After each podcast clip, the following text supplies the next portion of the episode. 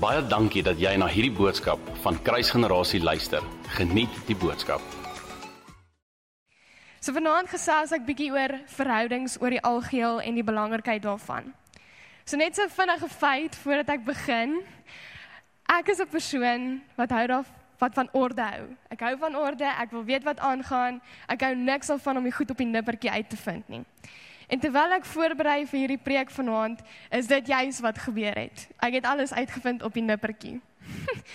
so ek gaan nou gou vertel hoe my voorbereiding verloop het. Ons het so 'n maand terug uitgevind dat ons vanaand gaan preek.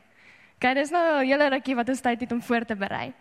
En vandat ons uitgevind het dat ons gaan preek, elke keer as ek aan die preek dink, kom verhoudings in my gedagtes op. Elke liewe keer, daar's niks anders nie dan wonder ek, okay, maar wat van verhoudings? Wat van verhoudings moet ek oor praat want daar's 'n wye spektrum om oor verhoudings te praat. En ek gaan sit so terwyl ek my voorbereiding wil doen en niks kom by my op nie. Ek het in 'n stilte kamer gaan sit, stil alles rustig geword en absoluut niks kom by my op nie. En hierdie laaste week, net voordat ek wil gaan slaap, net voordat ek aan die slaap raak, kom daar sulke nuggets in my gedagtes op. En dan spring ek vinnig op en ek skryf dit vinnig neer want anders vergeet ek dit. Want anders vergeet ek dit. En dis hoe my voorbereiding gegaan het. Maar dit wys ook net dat elke persoon se verhouding met die Here anders lyk. My verhouding met hom lyk nie dieselfde soos wat Simi se verhouding met hom is nie. Dit lyk nie dieselfde soos wat Helmien se verhouding is of Magda se verhouding met hom is nie. En hy het juis dit waarvan ek nie hou nie om goed op die nippertjie uit te vind, juis met my gedien sodat my karakter kan gestretch word en sodat ek kan groei. Want hy gee om vir my. Ons staan in verhouding. Hy wil hê ek moet groei as 'n persoon. Maar soos wat ek gesê het, nie een van ons se verhouding lyk dieselfde nie. So hoekom vergelyk ons ons verhouding met God met iemand anders se verhouding met God? Ons het nodig om te besef dat elke persoon se verhouding is uniek. Sorry. Okay. Amen. So ek kan gou vir julle sê, ek het werklik die belangrikheid van 'n verhouding besef eers so 'n maand terug. Werklik besef wat dit is om in 'n verhouding te wees. Dit is nogal skerry want ek werk nou al hierdie hele jaar by die kerk. Ek is wondersaam te weet en ek vind dit eers werklikheid 'n maand terug. En ek wil graag hierdie skrif vir ons lees. So kan jy gou saam met my blaai as jy 'n Bybel het of 'n foon. Jy kan blaai of scroll, maak nie saakie. Na Johannes 1 vers 1 tot 3.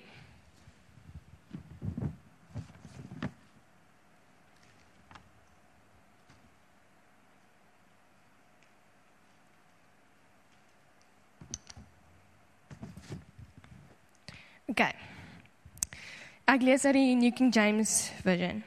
In the beginning was the Word, and the Word was with God, and the Word was God. He was in the beginning with God. All things were made through him, and without him nothing was made that was made. En toe ek hierdie stukkie lees, veral hierdie in vers 3, all things were made through him, and without him nothing was made that was made. En daar's 'n wye spektrum waar jy kan dink as die Here nie bestaan het nie, sou baie goed bestaan nie, soos die aarde sou nie bestaan het nie, ons sou nie bestaan het nie. Maar die eerste ding wat by my opgekom het is sonder hom sou verhoudings nie bestaan het nie. Ek sou nie 'n verhouding met my ouers gehad het nie. Ek sou nie 'n verhouding met my vriende gehad het nie. En dit is die weirdste ding want jy sal dink aan die klein goedjies wat nie sal bestaan nie, maar hoekom verhoudings?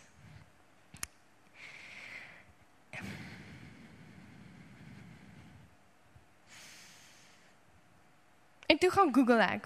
Mense kom ons nou altyd vir Google vertrou. Nee, nie regtig nie, moenie dit doen nie. So toe gaan Google ek, what is the importance of having a good relationship? En toe kry ek die volgende resultate.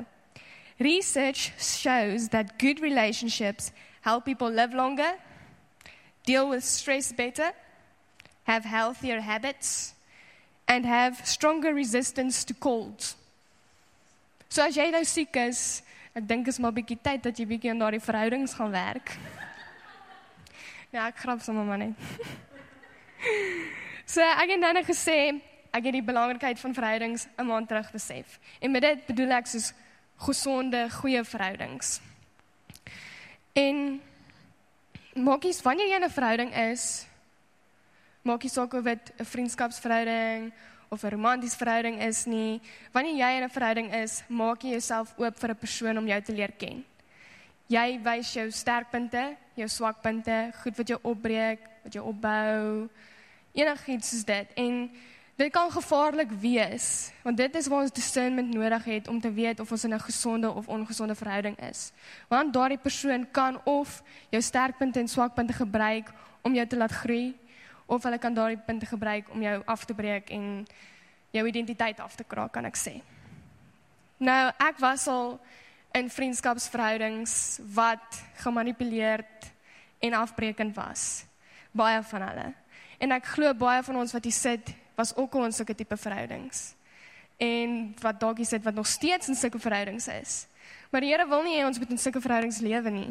Hy wil hê ons moet mense in ons lewe hê waarop ons kan vertrou, waar ons werklik ons lewe saam met hulle kan opbou en groei as mens. En toe ek hierdie jaar by die kerk begin werk het, toe besef ek eers wat dit is om in 'n goeie, gesonde verhouding te wees. Ek bedoel, ek het in 'n NG Kerk groot geword. Vir die van julle wat nie weet nie, hierdie is die eerste jaar wat ek werklik hier is, bietjie leer wie Jesus, wat dit is om te worship, al die goedjies en die mense wat hier werk. Ek sê nie dit is jy moet by die kerk om werk om 'n goeie gesonde verhouding te hê nie, maar hierdie is die plek waar ek dit geleer het. Die mense wat hier is ondersteun my. Hulle bou my op. Hulle wil net die beste vir my en hulle hou my accountable. Dis die belangrikste ding. Jy het mense nodig wat jou accountable hou om jou op die regte pad te sit.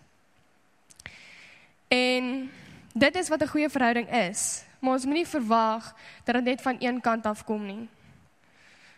Ons kan nie net altyd ontvang, ontvang, ontvang nie. Nee nee, sorry. Ons het nodig om te gee ook. Jy kan nie net louf nie. Jy moet werk en sit om daardie verhouding te laat werk. En dan het ek die volgende skrif wat ek ons wil eh, wat ek vir ons wil lees.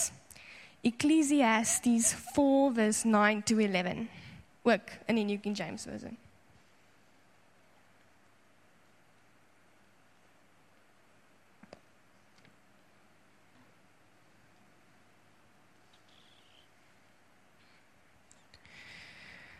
Two are better than one because they have a good reward for their labor. For if they fall, one will lift up his companion. But woe to him who is alone when he falls, for he has no one to help him up. Again, if, you, if two lie down together, they will keep warm. But how can one be warm alone? En ons het nodig om in verhoudings te wees Want wanneer jy val, is daar iemand wat jou kan ophelp. As jy alleen is en jy val, jy gaan opgetrap word. Jy het daardie accountable accountability partners nodig om jou op te help wanneer dit swaar gaan met jou.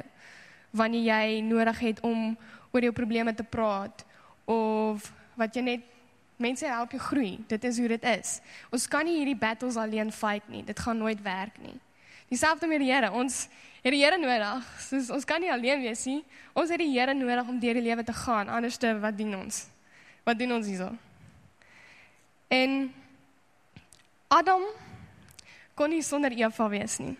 En Eva kon nie sonder Adam wees nie. Ek bedoel, wie moes die skorrelgoed was as Eva nie daar was nie? Of wie moes daai wie moes daai kraan regmaak waarvoor jy 'n maand terug gevra het? Adam moes dit gedoen het. Maar my punt is, ons moet nie dink dat ons alleen deur die lewe kan gaan nie. En ek het nou gesê dat ons nie net kan ontvang nie. En dit gee wat dit lei my na die volgende vraag toe. So as jy 'n notaboek het of jy kan dit in jou notas neerskryf, drie vrae wat ek wil hê jy moet aandink en werklik daarin gaan indelf. Eerste een is is ons verhoudings one-sided? Tweede een, is ons verhouding met God one-sided? En die laaste een, God gee altyd alles. Ontvang jy net of gee jy ook terug? En ek wil graag met hierdie afsluit. Dit is tyd dat ons die werk insit in ons verhoudings en besef hoe belangrik verhoudings werklik in ons lewe is. Dankie dat jy na hierdie podcast geluister het. Indien jy die boodskap geniet het, deel hom asseblief met jou vriende.